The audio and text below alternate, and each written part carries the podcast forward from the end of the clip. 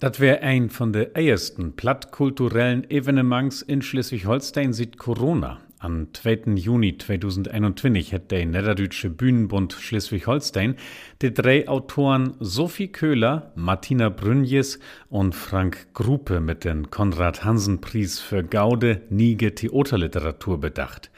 Der Ehren in der Niederdeutsche Bühne in Flensburg hat der Schirmherr von den Konrad-Hansen-Preis sübst vernommen, dat wär uns Landtagspräsident Klaus Schlie. Grauten Bohnhoff für Plattdütsch Bühnenspiel, so denn ich, Plattdütsch Bühnenspiel, dat is ein Thema, da weet ich meist gar nix über. Und dat geit eigentlich nicht.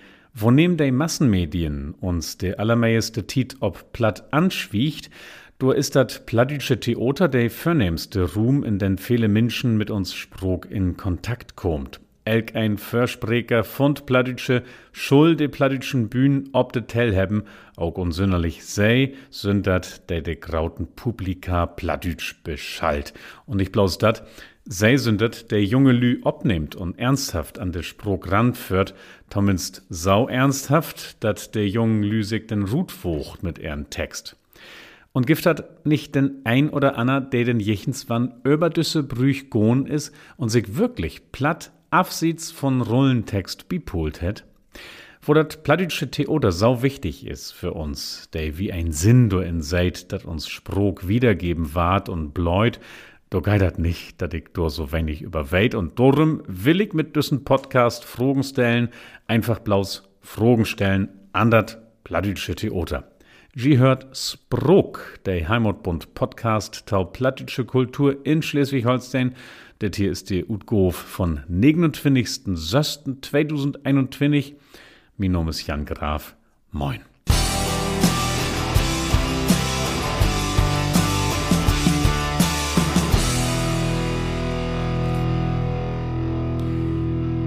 Plattdütsch Theater, Niederdeutsche Dramatik, ja, wo schall ein Dor ansetzen.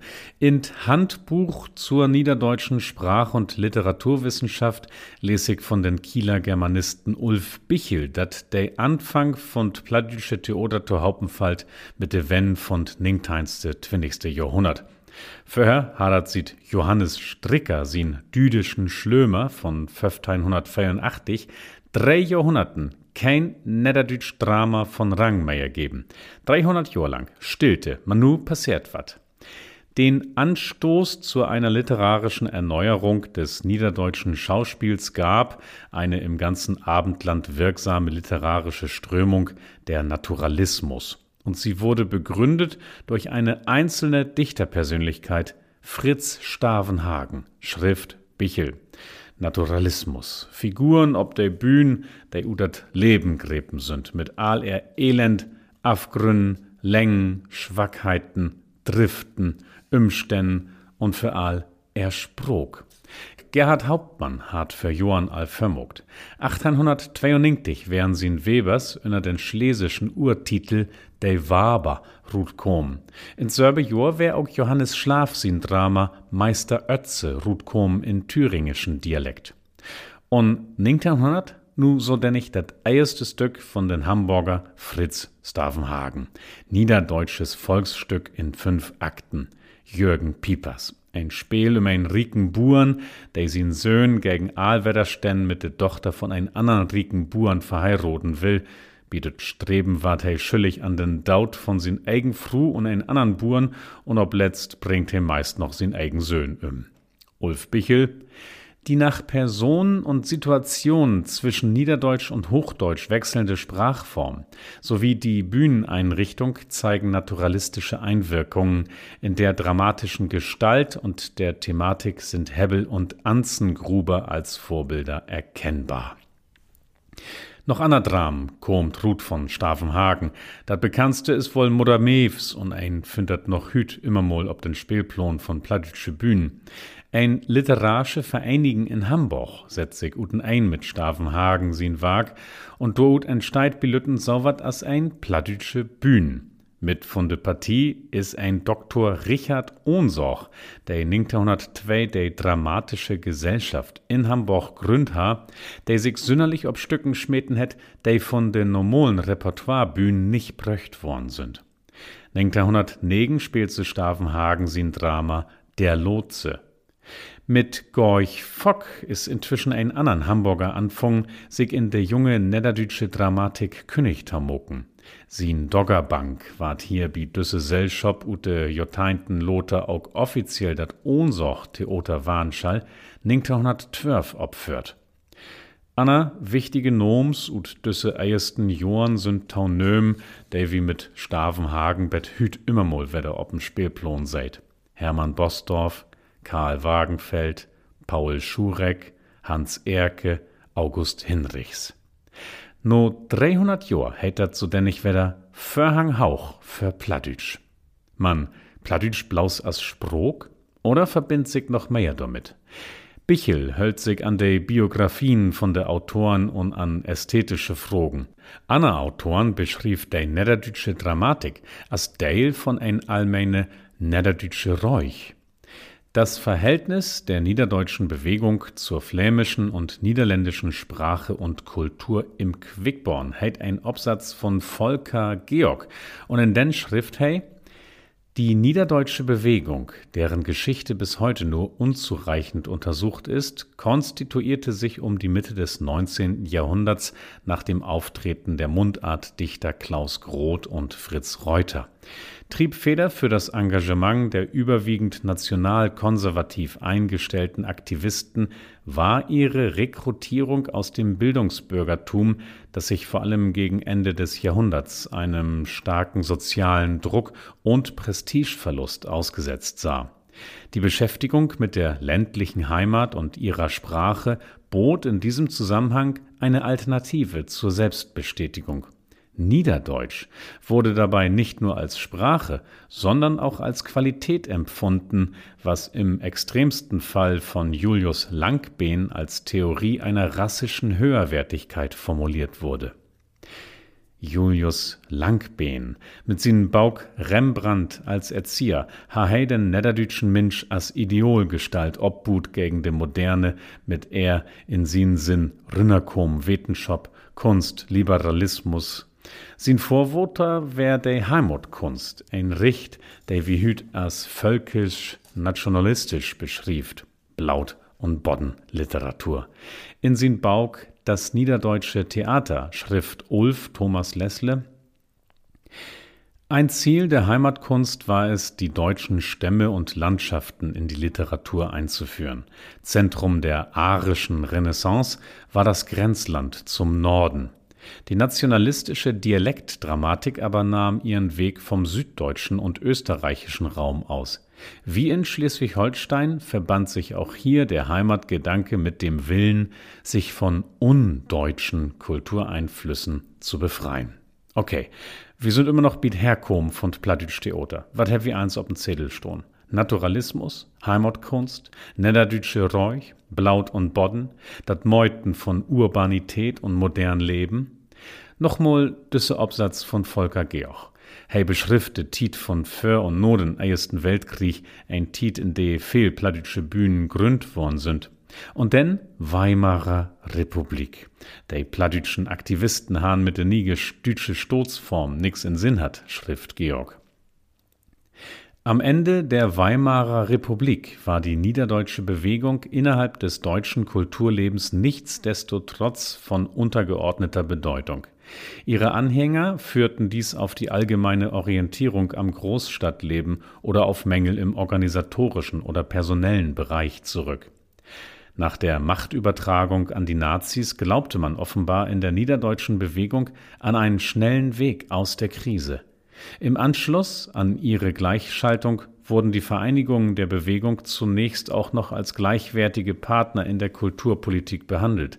Nach der Konsolidierung des Regimes in den Jahren 1937-38 wurde jedoch schnell deutlich, dass derartige regionale Interessengruppen dem Zentralismus des Hitlerstaates im Wege standen. Das plattdütsche Kulturleben Help den Nozis an de Macht und an en versackt dat doch wieder in de Marginalität? Wenn dat so wär, wat wollen se, de Bürgerslü in de urbanen Zentren mit Hamburg als Häuftstadt von de plattdütsche Räuch?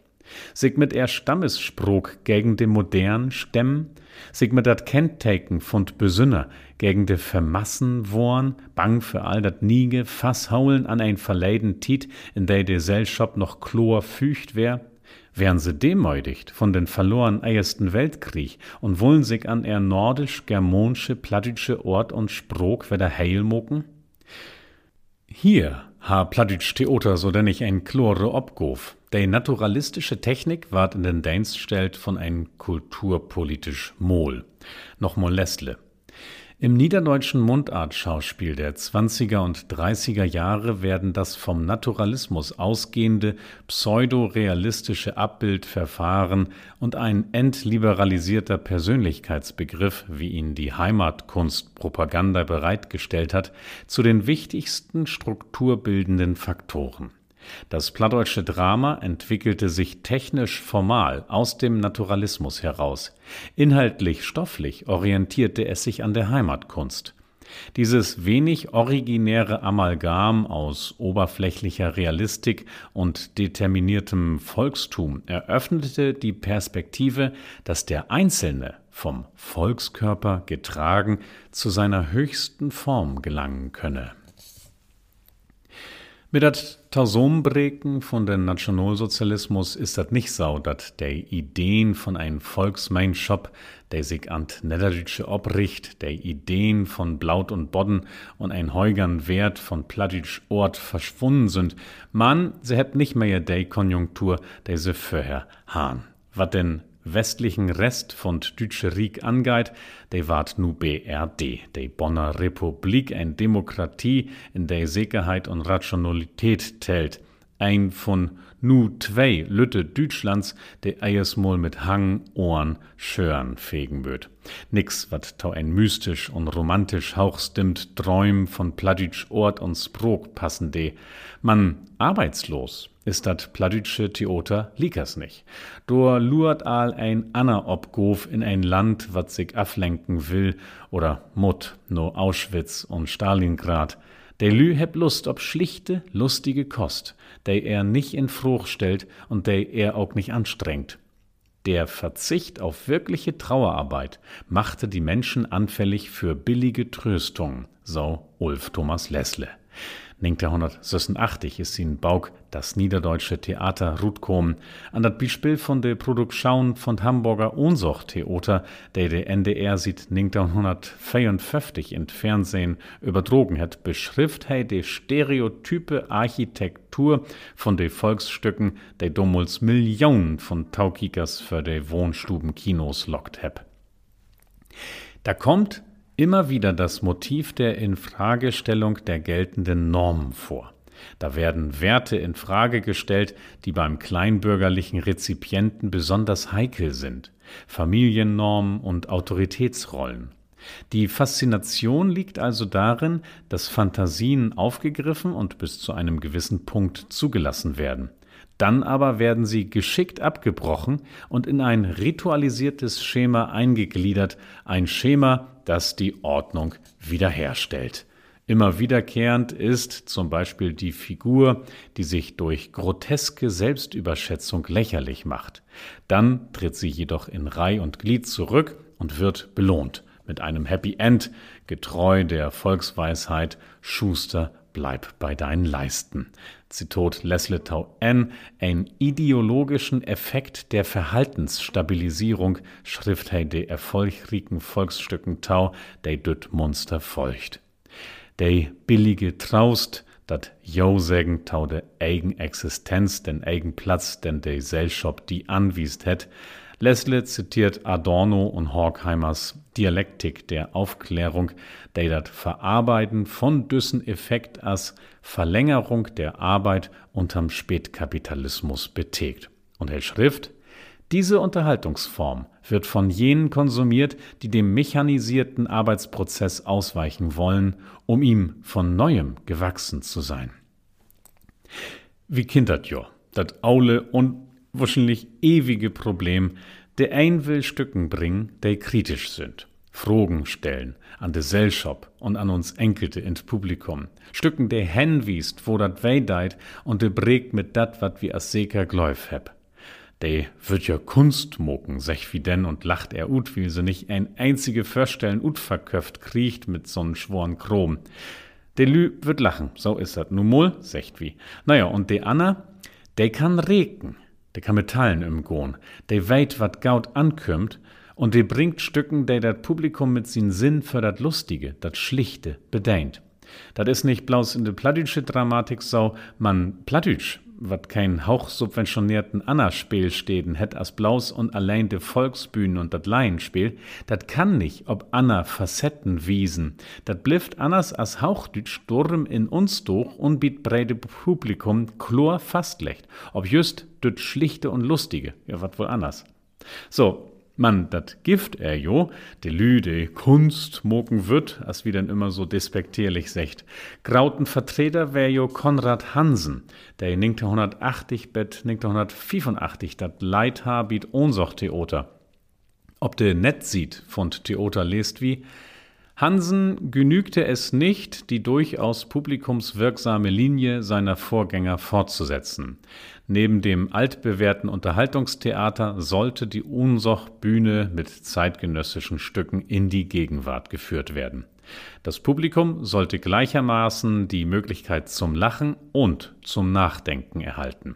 Mit Hilfe des Theaterwissenschaftlers, Germanisten und Volkskundlers Ulf Thomas Lessle, der als Dramaturg verpflichtet wurde, sollte das Konzept des zeitgenössischen Volkstheaters durchgesetzt werden und der Spielplan wurde mit neuen und kritischen Volksstücken verjüngt.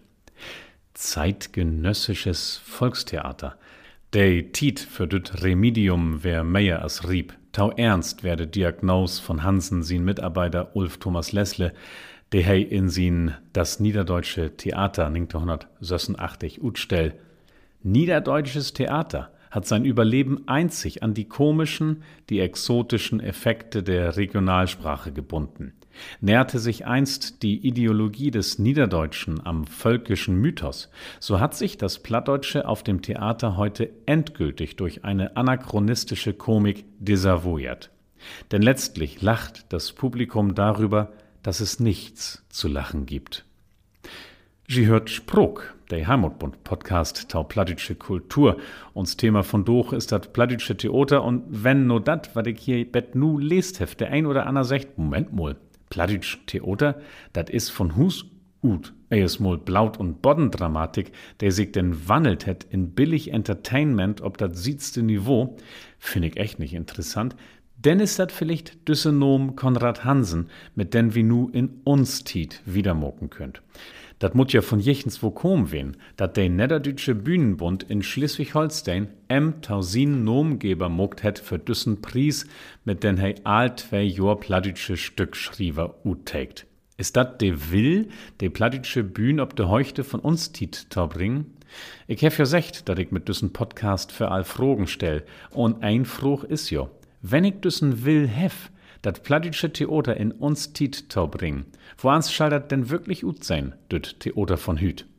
Wat is dat mit den doan Naturalismus, der dat plattdeutsche Theater jo in der DNA stickt, auch wenn hei no Lesle denn jo to ein reine, wat he Schrift, Oberflächenästhetik verkommen is. Man egal. Düt Streben, de Figuren sau schnacken tauloten, as se auch in der Wirklichkeit schnackt. Ich sag mal sau. Wohl dat plattdeutsche Theater, dat hüt noch durchtrecken.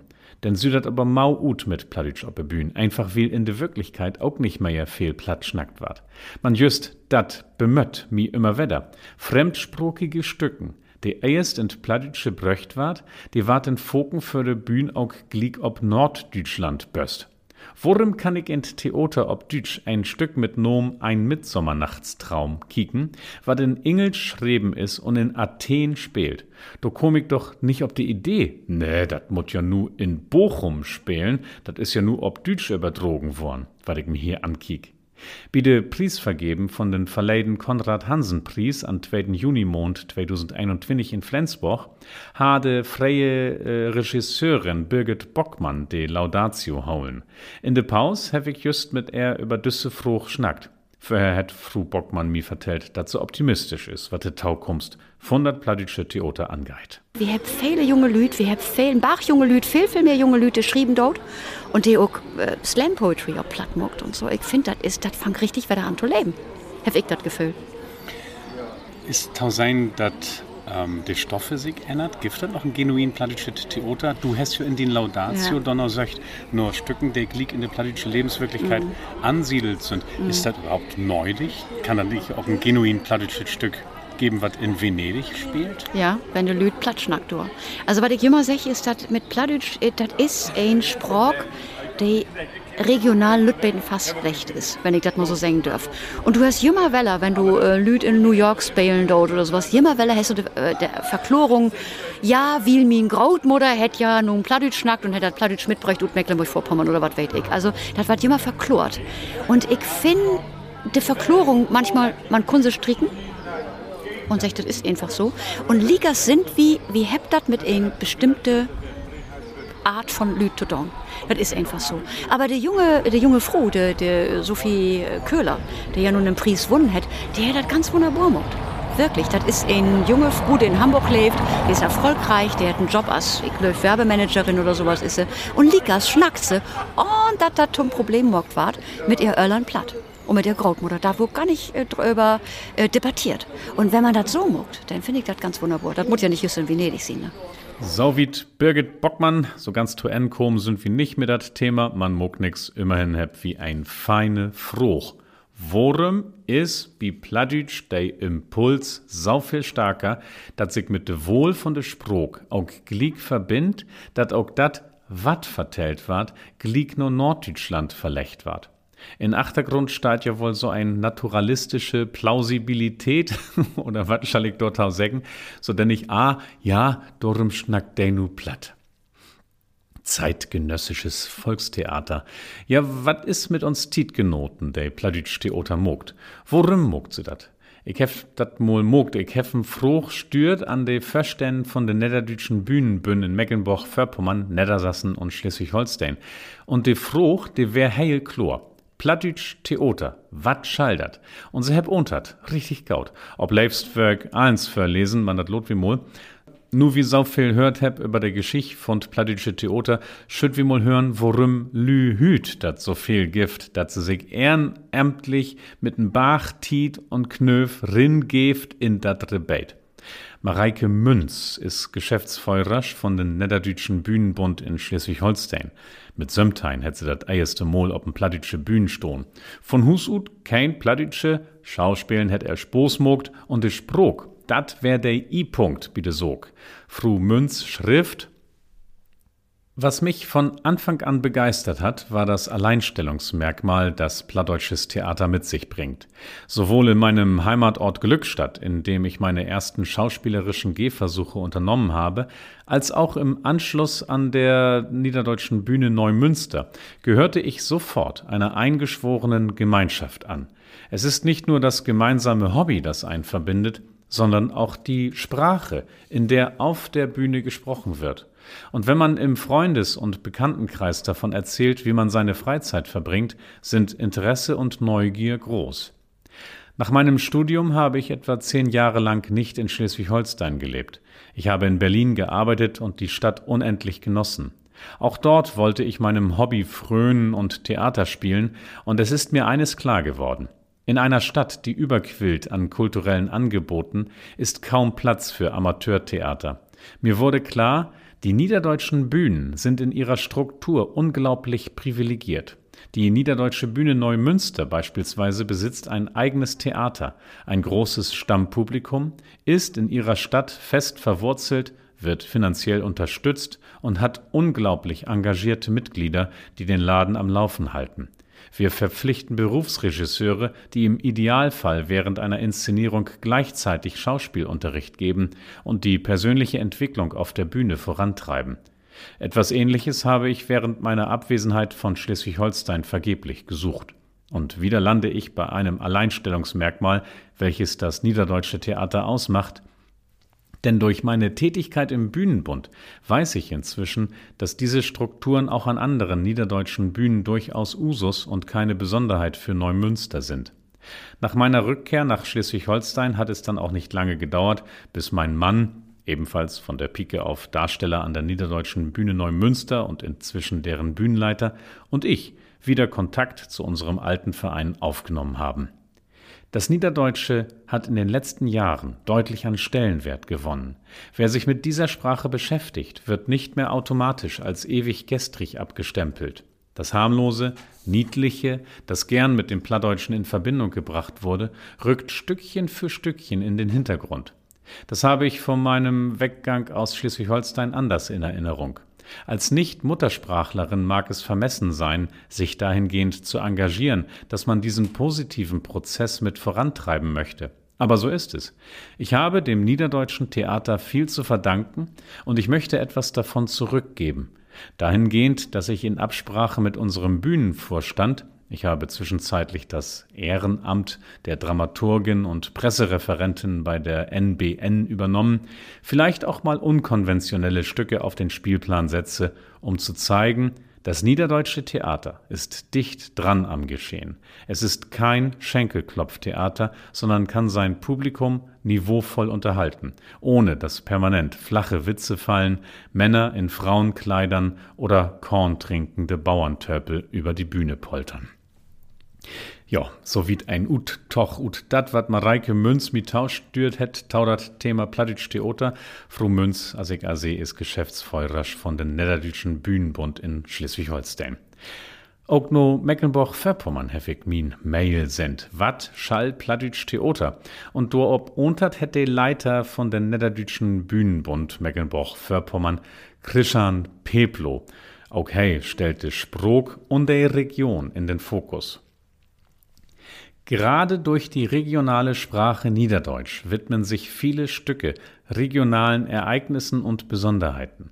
Das verbindet mit der eigenen Heimat, mit den eigenen Wurzeln und Traditionen. Ferner finde ich es großartig, dass die niederdeutsche Sprache mit ihren vielen Dialekten so variationsreich daherkommt. Ich bin sehr gerne bei den Kolleginnen und Kollegen der anderen Bundesländer zu Gast und schaue mir ein Stück in der jeweiligen regionalen Sprachvariante an. Diese Vielfalt, die das niederdeutsche Theater zu bieten hat, ist absolut faszinierend. Darüber hinaus ist aus meiner Sicht das niederdeutsche Theater perfekt dafür geeignet, einen spielerischen, behutsamen und unverkrampften, unkomplizierten Zugang zur niederdeutschen Sprache zu gewähren. Über das Erproben der Stücke wird die niederdeutsche Sprache leichter aufgenommen. Man lernt Sätze und Versatzstücke, dazu bestimmte Phrasen, die man auch problemlos im alltäglichen Gebrauch anwenden kann.